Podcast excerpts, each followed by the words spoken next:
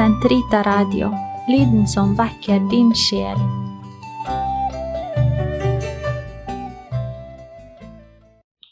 Den katolske kirkes katekisme, uke 51, onsdag 1042 til 1047. Håpet om nye himler og en ny jord. Ved tidens ende vil Guds rike nå sin fylde. Etter dommens dag skal de rettferdige regjere for alltid med Kristus, herliggjort i legeme og sjel, og hele universet skal bli nytt. Da skal Kirken i den himmelske herlighet bli fullendt. Da vil de tider være kommet da alt skal gjenopprettes, og sammen med menneskeslekten vil universet, som er nær forbundet med og føres frem til sitt mål av mennesket, fullkomment sammenfattes i Kristus. Denne gåtefulle fornyelsen som skal forvandle menneskeslekten og verden, kaller Den hellige skrift nye himler og en ny jord. 2. Peters brev 3.13.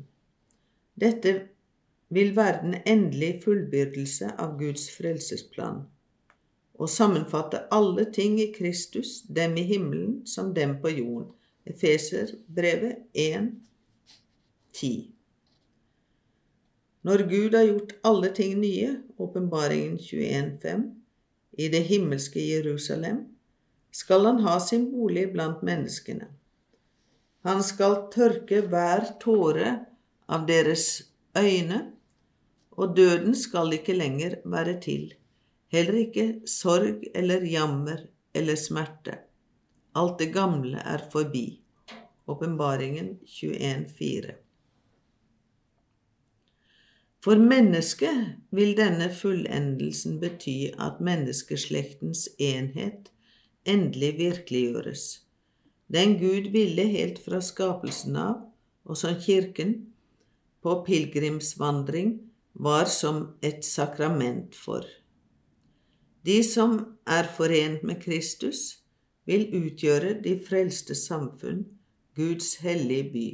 Åpenbaringen 21.2. Lammets brud, åpenbaringen 21.9.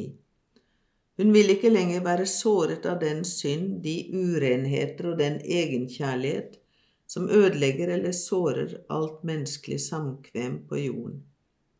Det salige syn hvor Gud uten opphør åpner seg selv for de utvalgte, vil være en uuttømmelig kilde til lykke, fred og fellesskap.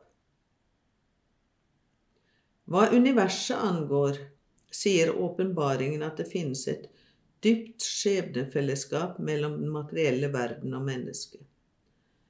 For når skapningen speider i spent forventning, er det fordi den lengter etter å få se Guds barn tre frem i all sin glans. For selv skapningen skal bli befridd fra forgjengelighetens slaveri. Ja, vi vet at hele skapningen uten unntagelse fremdeles stønner i fødselsveer og ikke den alene, men også vi som alt har fått den første høst av Åndens gaver. Også vi sukker i vårt hjertes dyp, mens vi i lengsel venter på at vårt legeme skal bli kjøpt fri. Romerne 8, 19-23. Det synlige univers er derfor også bestemt til å forvandles, slik at selve verden ført tilbake til sin opprinnelige tilstand, skal stå til tjeneste for de rettferdige, uten å legge noen hindringer i veien, ved å ha del i deres herliggjørelse i den oppstandende Jesus Kristus.